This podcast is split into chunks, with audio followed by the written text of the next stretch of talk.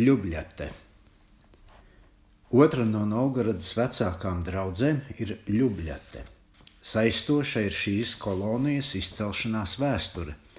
Tā mums rāda, ka kādreiz, kā kādreiz klājies mūsu tautas pirmiem izceļotājiem, zemes meklētājiem, līdz tie nākuši pie savas zemes stūrīša. Kādā svētdienā, 1868. gadā, Kāds latviešu jauneklis, saimnieka dēls Vilemsons vārdā, grobiņas baznīcas priekšā, aicinājis uz baznīcu sanākušos kalpus un citus bezzemes gājējus atstāt kurzemi un nākt par kalpiem uz kādu Matvējevkas mūžu Novgorodas guberņā, kur tiem maksāšot daudz lielāku algu nekā Baltijā. Minētais Vilemsons bija jau dažus gadus atpakaļ atstājis tēviju un izceļojis uz iekškrieviju laimi meklēt.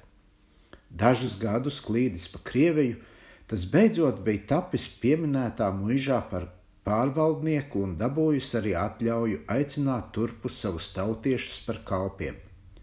Vilemsona uzaicinājums bija atradis dzirdīgas ausis. Nākošā gada aprīlī Pēc jūrģiem Rīgā sabraukušas kādas 15 kalpu ģimenes no dažādiem novadiem, gatavas braukt uz Novgorodu. Pēc iepriekšējās norunas Vilemsons izceļotājiem bijis Rīgā pretī un tos aizvadījis līdz to jaunai dzīves vietai. Nodzīvojuši gadu Matvējevkā par kalpiem, tiem tomēr apnicis, jo kalps paliek kalps, lai kalpotu dzimtenē vai svešumā vai vācietim, vai krievam. Viņu īstenā vēlēšanās atstājot Baltiju, taču būs bijusi reize iegūt pašiem savu zemes stūrīti. Pēc gada visi Latvijā salīgtie kalpi sarunājušies, saņēmuši savas pauniņas pār pleciem un aizjūgušies priekšā vāģīšiem, kuros bija sasēdināti mazie, iet nespējīgie bērni, un atstājuši Matvējevku, dodas uz Novgorodas pilsētu, zemi meklēt. Novgorodā viens otrs aprasījies savādiem ceļotājiem, kurp ceļojot, bet pēdējie nevarējuši nekā atbildēt krievu valodu neprasdami. Te pēdīgi kāds garām braucējs kungs tos uzrunājis vāciski.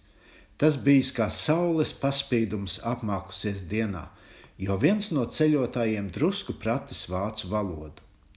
Izstāstījuši kungam, ka meklē zemi, bet nezin, kur tāda dabūnama. Kungs teicis, kā arī viņš varot zemi dot. Šādu priekšlikumu ceļotāji ar prieku saņēmuši, un kungs licis saviem, savam kučerim griezt zirgus atpakaļ un vest latviešus uz savu izdom, izdodamo zemi verstas 25 no Novgorodas. Kučieris aizvedis zemniekus kādā vietā, kura ļoti līdzinājusies meža purvam, sīki koki, biezi kopā auguši, kā pat grūti izspraukties un pastarpām plata zāle kā vilku kalvenes. Un tad teicis: Vot mesto, rabotēķe, še būs vieta, strādājiet! Tas bija 1870. gadā maijā. Meža purvā dunduri un knišļi kā bites spietojušies. Nebijis no tiem miera ne diena, ne nakti. Kam bijusi vēl naudiņa, tas nopircis maizes un tīrījis savu pieņemto vietu, lai tur vēl ko varētu iesēt un taisījis no apdegušiem kokiem kādu ēku, kur ziemu mist. Bet kam naudas nebijis, Tie gājuši pelnīties pie krieviem, un rudenī pārnākot sacēluši uz zemes pāris, apklājuši tās velēnām un, velēnām un māliem, un māja uz diviem, trim gadiem bijusi gatava. Lāči un vilki bijuši vistuvākie kaimiņi, tos pazinis katrs bērns. Cita cita velēna būdu ienācēji, citādi nevarējuši samanīt, ka tikai pēc dūmiem kas uzkāpuši no būdas un pacēlušies pāri kociņu galotnēm, bet tas bijis iespējams tikai rāmā laikā, kad dūmi stāvus cēlušies gaisā. Šo ienācēju starpā bija arī 15 baptistu draugas locekļi. kuriem bija pirmos gadus jādzīvo gluži bez jebkādas garīgas kopšanas. Pēc viena vai diviem gadiem šos ienācējus apmeklējis Grīģis Inķis. Redzēdams viņu posta dzīvi, tas tos izrājis, ka tie atstājuši dzimteni un ielīduši Krievu purvā, caur ko tad arī zaudējuši garīgo un laicīgo, paši tie nomiršot badā un bērni izaugšot, izaugšot par mežoņiem. Arī paši ienācēji nevarējuši citādāki kā piebalsot inķim, bet vairs nebija nekā grozams. Naudas braukt atpakaļ nevienam nebijis. Kad ļubļatieši sākuši noturēt dievvvārdus, nav skaidri noteicams, tikai zināms, ka pirmās sapulces vadījuši pašu brāļi viens aiz otra – bet kā patstāvīgākie no tiem minām Miķelis Kļava un Krišus Egle.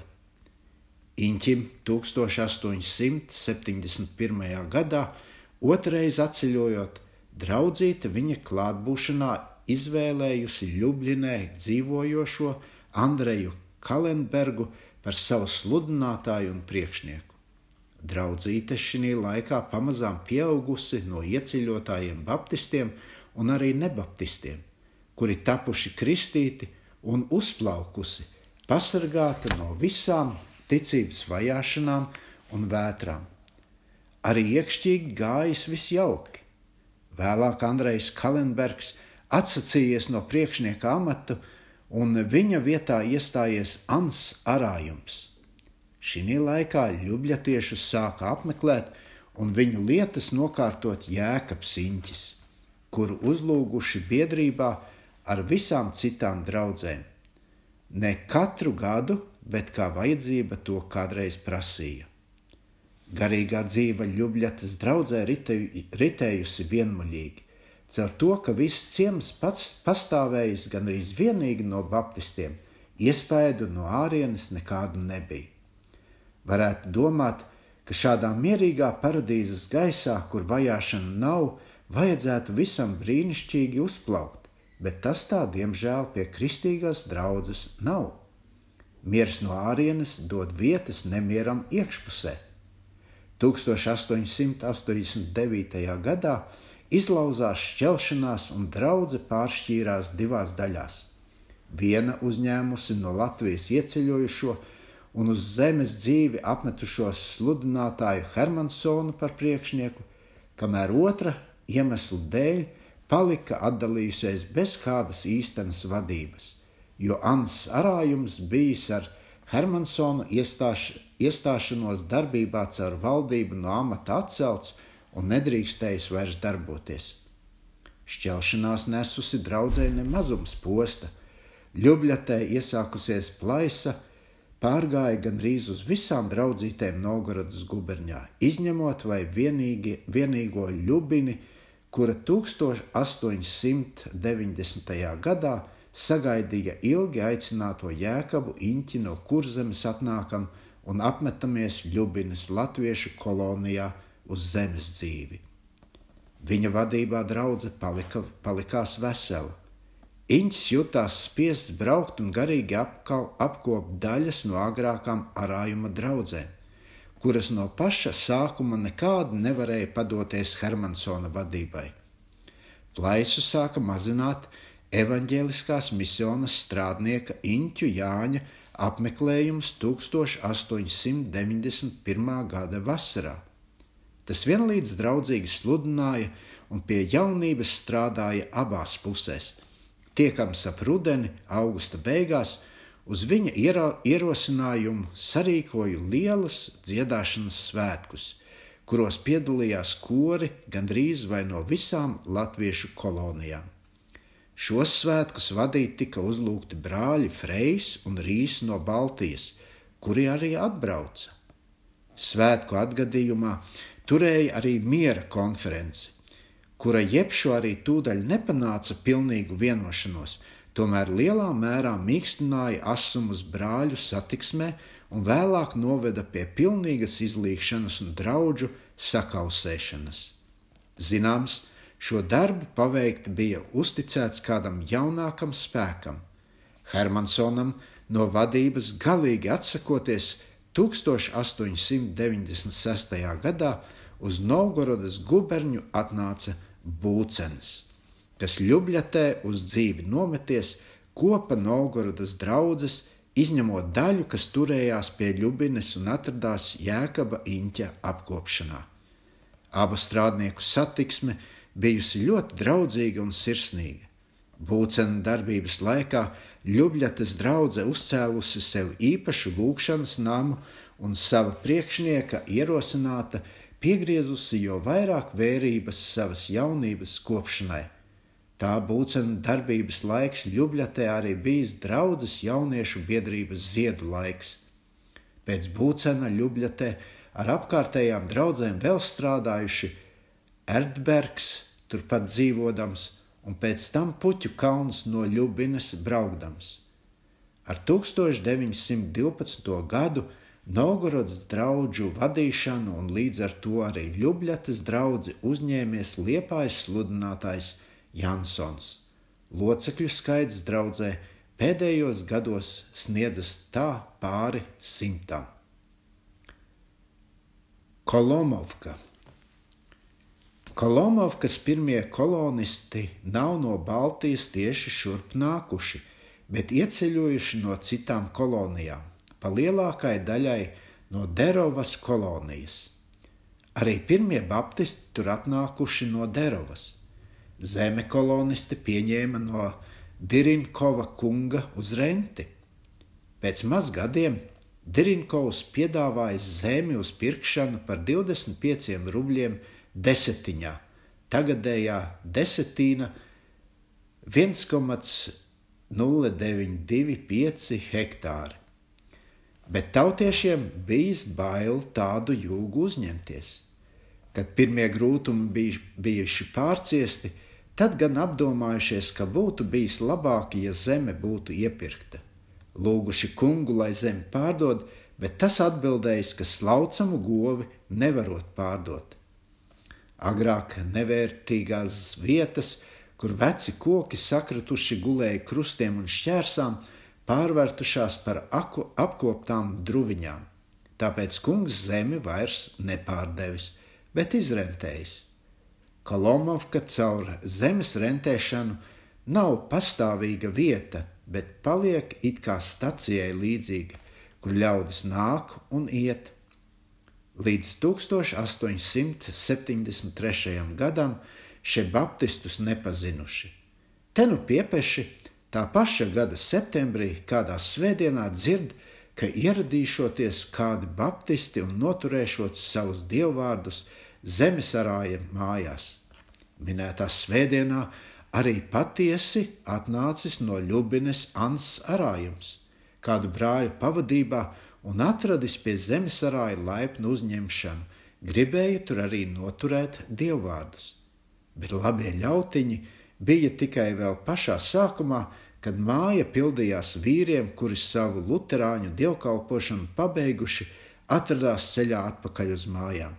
Visu priekšgalā stājās viņa pērminders, un dievkalpošanas vadonis Fricis Viegsdiņš, un dziedāšanu pārtraucis izskaidroja, ka tādas baptistu sapulces šeit aizliedzot noturēt un svešniekus tūliņ uz vietas izraidot.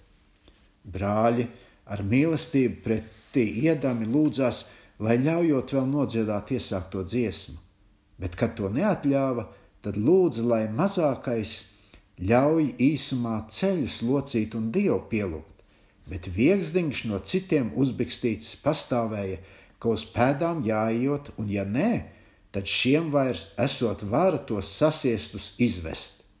Brāļi redzēdami, ka nekas vairs neatliek, paklausīja arī, bet lūdzās, lai vēl uz ceļa atļauj dievu pielūgt. Bet vajātāji ātrāk nelikās mierā, līdz bija tos izveduši pāri par šoseju, pavisam ārā no Kolomovkas robežām. Izdzītie brāļi turpat zem klājas debesis pielūguši dievu un uzticējušies viņa rokām aizgājuši, bet laba liecība bija nolikta, un tā nepalika bez augļiem. Uz pērmenderi Viegsdiņu notika tā kunga vārds kā reiz uz zaulu pie Damaskas vārtiem. Pašam neizprotami sirds pārmetumi Viņu mocīja, un nu viņš pats sāka meklēt satiksmi ar tiem ļaudīm, kurus nesen bija vajājis. Sarunas ar kādiem brāļiem viņu vadīja pie tā kunga kājām, un tur viņš atrada mieru savai dvēselē. Viņš tapa vēlāk patiesības dedzīgs apliecinātājs. Dieva gars bija līdz ar viņu modinājis vēl citus, un viņš pats vēl draudzē neuzņemts sludināja tiem labu laiku patiesīgo evaņģēlījumu tagad vajāts un nicināts no saviem agrākiem biedriem. 1874. gadā, augusta mēnesī, viņš tapa Korpovas upē kristīts no toreizējā Novgorodas baptistu sludinātāja un vecākā Andreja Kalenberga. Mēnesi vēlāk kristīja viņa laulāta draudzene līdz ar kādiem sešiem jaunatgrieztiem. Šī nu bija tā pirmā draudzene Kalomovkā, un viņas priekšstāvis bija Fricis Viegsdiņš. Zināms, agrākā pretinieka tagadējā liecība bija spēcīga pie daudziem, un tas kungs svētīja, ka mazā draudzīte auga un vairojās. Pašā sākumā viņiem gan bija jāpiecieš daži uzbraucieni no kaimiņu puses. Kamēr Viegsdiņš pats vēl nebija kristīts, bet labprātīgs palicis, tas bija uzlūdzis atkal sludinātāju. Sanāca vīri pa agrākaju vīzi un grasījās izdzīt, bet nu šie būdami lielākā pulkā sastājās apkārta brāli sludinātāju, un ienaidnieki neuzdrošinājās varas darbus lietot. Tad ļaunas sirds skubināti, kādi bija aizgājuši pie rentes kunga un sūdzējuši, ka daži paliekot par baptistiem, lai tos padzenot no zemes. Bet tas ir sapītis atbildējis, lai žīts, lai čigāns, kad tik nomaksās savu renti. Izmēģinājušies likās mierā. Pirmais sludinātājs Kolomovkā bija Kalenbergs no Ļubinas. Kalenberga laikā daudz tautieši, kā arī baptisti nogājuši uz koloniju aiz Novgorodas pilsētas Nikolai Dāču ka Lomovas draudzē palikuši tikai pieci draudzes locekļi. Pēc kādiem gadiem Kalomovkas draudze vairojusies caur pieceļojušiem brāļiem un māsām.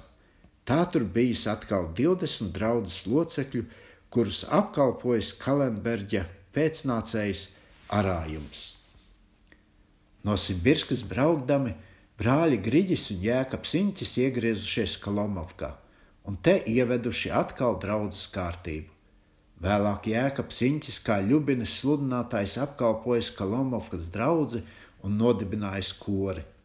Draudze bija labi uzplaukusi garīgi un materiāli un jau skaitījās ap 80 locekļu. Pēc Jēkaba Inķa nāca būcens. Viņa laikā draudzene atkal sāka izceļot.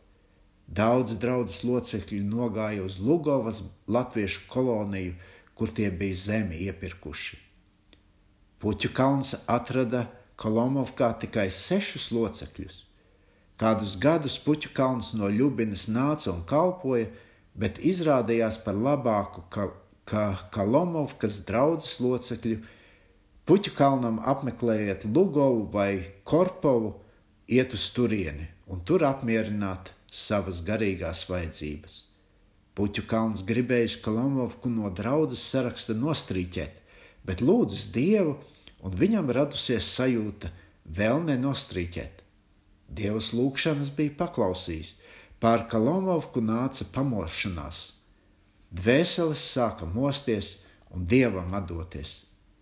Caur brāli, brāļa godiņa apmeklējuma atgriezās atkal Lutāņu Pērmenders Šmits.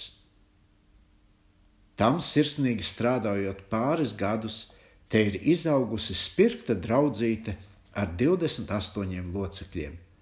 Arī Šmita vadītu svētdienas skolas darbu Dievs ir svētījis. Divas svētdienas skolas ar 23 bērniņiem.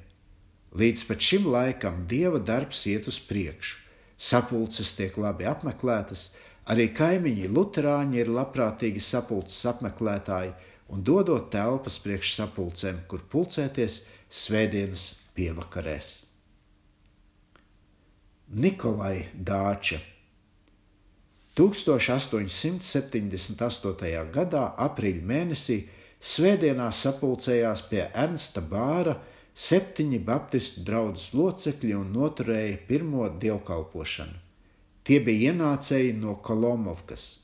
Šie no rentes zemes apmetās uz kroņa zemi un jaunā vietā, lai gan mazums būdami kalpoja tam kungam pirmo reizi.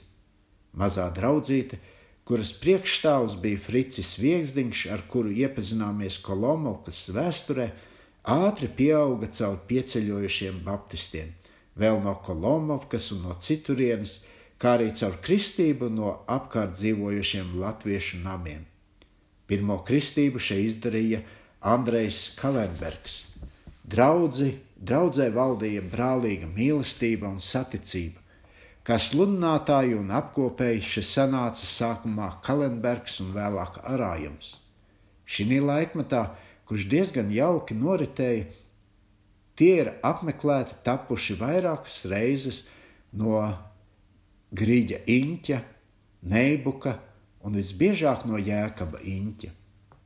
1886. gadā tie, tie piedzīvoja jo bagātu svētību, kad vasaras laikā nāca jo dzīvāka kustība, notika atgriešanās un kristības, tad arī draudzēji bija lielākais locekļu skaits.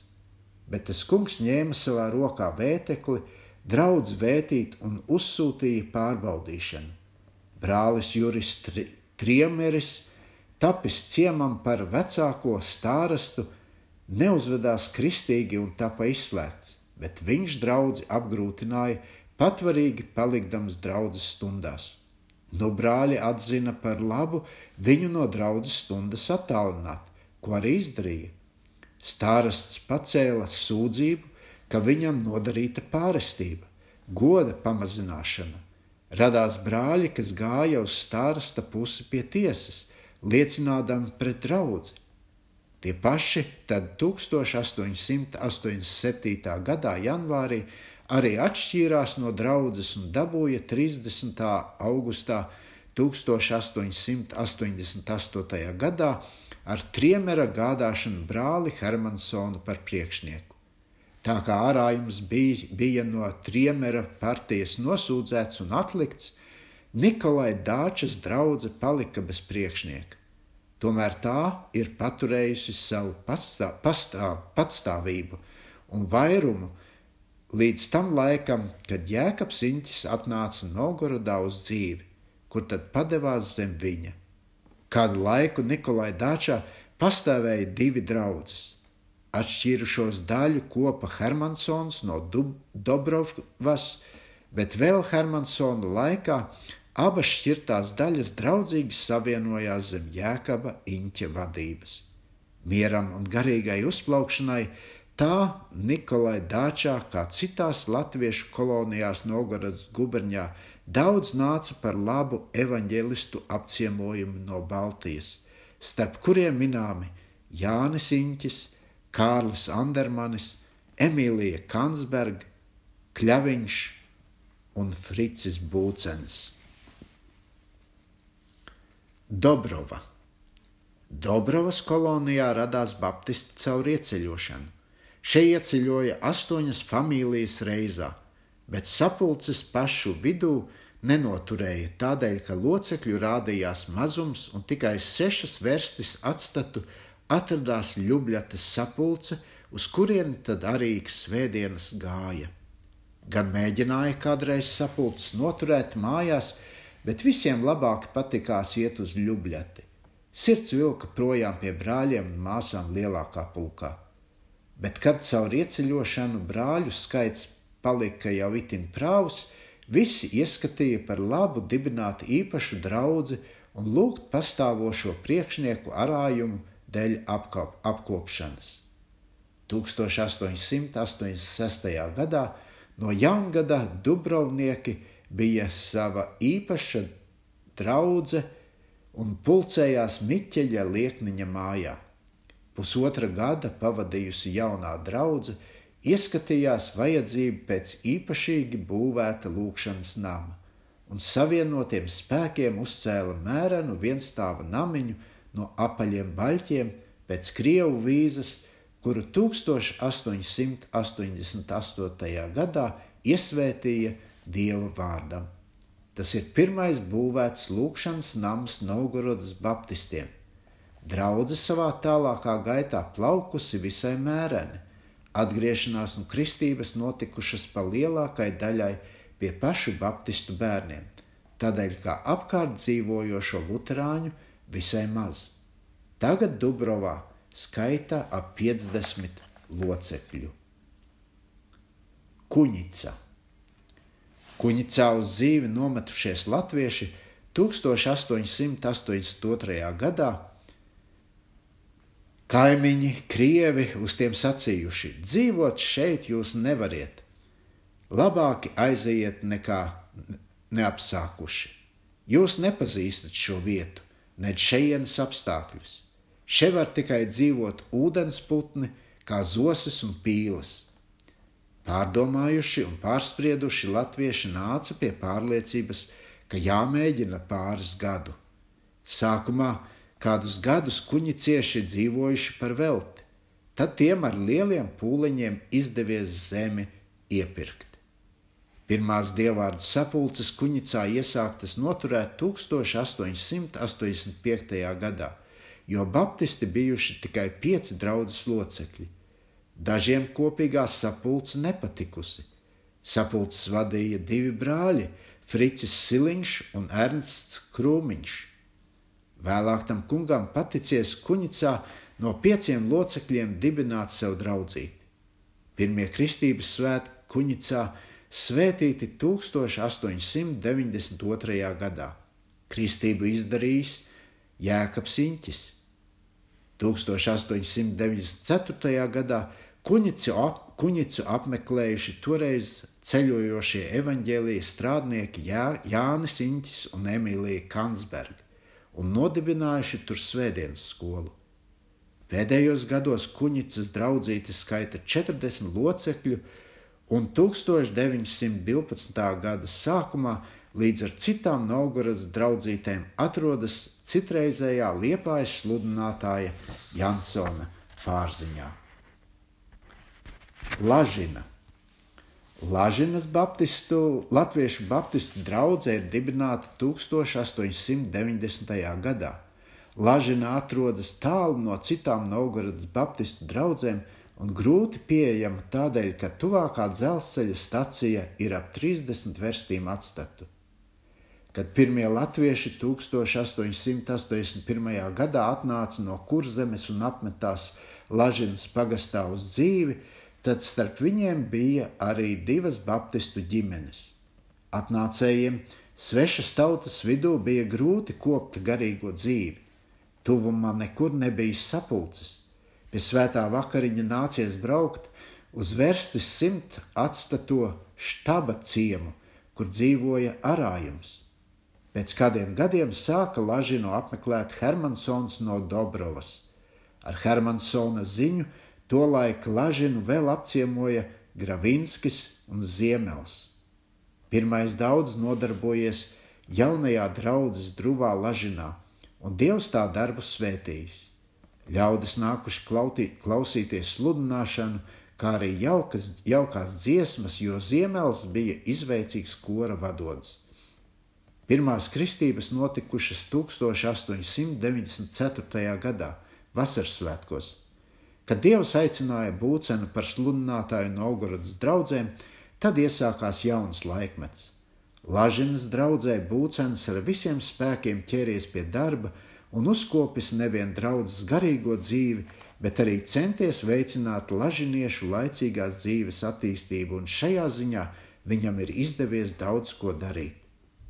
Būcena darbības laikā Lažinu apmeklējis Ziemels, kas ar sirsnību un sekmēm strādājis pie draudzes jaunības, nodibinādams skori un jauniešu biedrību. Beidzamos gadus Lažinas draugi apkalpojis Puķu kalns. 1908. gadā, decembra mēnesī Lažinas draudzēji bija tas prieks uzņemt pirmo Novgorodā noturēto Bībeles kursu savās telpās. Šis kurs padarīja labu iespaidu uz draugu un apkārtni. Tagad Lažinas draudzes skaita ap 60 locekļu. Pustaja Luga Latviešu kolonija Pustaja Luga izcēlusies 1889. gadā. Starp pirmiem latviešu ienācējiem iz Baltijas atradušās arī sešas baptistu ģimenes. Šis mazais ticīgo pulciņš jau tūliņš sākumā nācis svētdienām kopā uz dievvvārdiem brāļa Lasmaņa mājiņā. Pirmais garīgā darba strādnieks, kas apkopis šeit dzīvojošos locekļus, bijis Hermansons, kurš reizām pat kājām atnācis tālo ceļu no savas dzīves vietas Dobravā. Vēlāk Hermansons nokārtojas, ka draudzes locekļus pustaja lugā apmeklē brāļi no Nikolai Dāčas, Ljubļatas un Dobrovas. 1893. gada rudenī tikusi nodibināta Svētdienas skola, kas bijusi draudzēji par svētību. Draudzīte jau skaitījusi pāri par 30 locekļu, kad piepieši viņas locekļu skaits uz pusi pamazinājies. Kāda liela rūpniecības sabiedrība atpirkusi daudziem kolonistiem viņu īpašums, kuri nu atstāja koloniju un meklēja sev citur dzīves vietu. Starp šiem izceļotājiem arī bijušas sešas draudzes locekļu ģimenes. Pēc pēdējo aiziešanas palikusi tikai vairs 15 locekļi, kuri pēdējā laikā strādājot alianses garā un pulcējoties uz dievvvārdiem kopā ar saviem kaimiņiem Luterāņiem. Bugrova. Bugrovas kolonija izcēlusies 1883. gadā. Pirmie no latviešiem, kas tur nometušies uz dzīvi, bijuši kāds sīpols un pauzers. Gadu vēlāk ieradušās vēl kādas latviešu ģimenes, tā kā beidzot varējuši Bugrovā saskaitīt jau 15 latviešu ģimeņu, bet baptistu starp šiem atnācējiem nav bijis. 1894. gadā šo koloniju apmeklējuši divi baptistu sludinātāji Ziemels un Egle no Ljubļatas. Kad abi svešie ciema iedzīvotājiem prasījuši, vai nevēloties vakarā sajiet kopā uz dievvvārdiem, Bugrovieši ļoti izbrīnījušies un izzaimojuši abus sludinātājus, tā kā tiem atlicies tikai aiziet. Pēc šā gadījuma Tomēr vairāki baptistu brāļi apmeklējuši Bugrovu un atrastami ieju, kur tur kaisījuši patiesības sēklu. Un šis darbs nebija svelts. 1897. gadā divi no Bugrovas, Sīpols un Erenbergs, tapa ticīgi un pieslējās Baptistu draugai. Šie bija pirmie baptisti Bugrovā. Neskatoties uz lielām pretestībām un nicināšanām, sludinātāji tagad sāka Bugrovu biežāk apmeklēt, jo Ehrenbergs kā māju saimnieks pie sevīm bieži vien uzaicinājis evaņģēlīju kalpus. Visvairāk Bugrovā strādājis Ziemels. 1903. gadā locekļu pulciņš Bugrovā bijis jau tik liels, ka šeit nodibināta draudzīta. Locekļu Bugrovā tagad vairāk kā 30, un pieskaitot kaimiņu kolonijas Bolotinas locekļus, kuri arī nāk uz Bugrovas sapulcēm, šis skaits ir ap 50. Krečnova Krečnovas draudzīte dibināta 1887. gadā, viņas locekļu skaist, skaits tad bijis ap 14. Sākumā draudzīte atradusies Hermansona vadībā. Ar katru gadu locekļu skaits vairojies gan caur pieceļošanu, gan kristību, tā kā 1895. gadā draudzene skaitījusi jau 50 locekļu. Bet nu sākusies izceļošana. 1898. gadā uz Brazīliju vien izceļojuši vairāk nekā 20 locekļu bet atlikušie joprojām centīgi darbojušies pēc Būcena dotiem aizrādījumiem, kurš sākot no 1895. gada skaitījās arī par Krečnovas draudzītes priekšnieku. Pēc Būcena aiziešanas draudzītes vadīšana pārgāja uz Puķu kalnu, un līdz ar 1912. gadu Krečnovas draudzītes vadīšanu uzņēmās Jansons. 1912. gadā draudzītes skaita 32 locekļus.